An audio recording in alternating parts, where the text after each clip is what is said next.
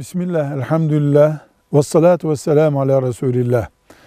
Bir Müslümanın kel olan başına yine kendi vücudundan alınan saçların ekilmesi bir tedavi çeşididir. Çünkü kel kalmak hastalıktır. Evet, sakıncası olmayan, rahatsız etmeyen bir şeydir ama hastalıktır. Hastalığı da tedavi ettirmek caizdir. Başka bir insanın saçını alıp takmakta sorun olur. Ama insanın mesela ensesinden saç alınıp başının üstüne takılmasında bir sakınca yok. Tedavi yöntemi olduğu sürece bu helaldir. Velhamdülillahi Rabbil Alemin.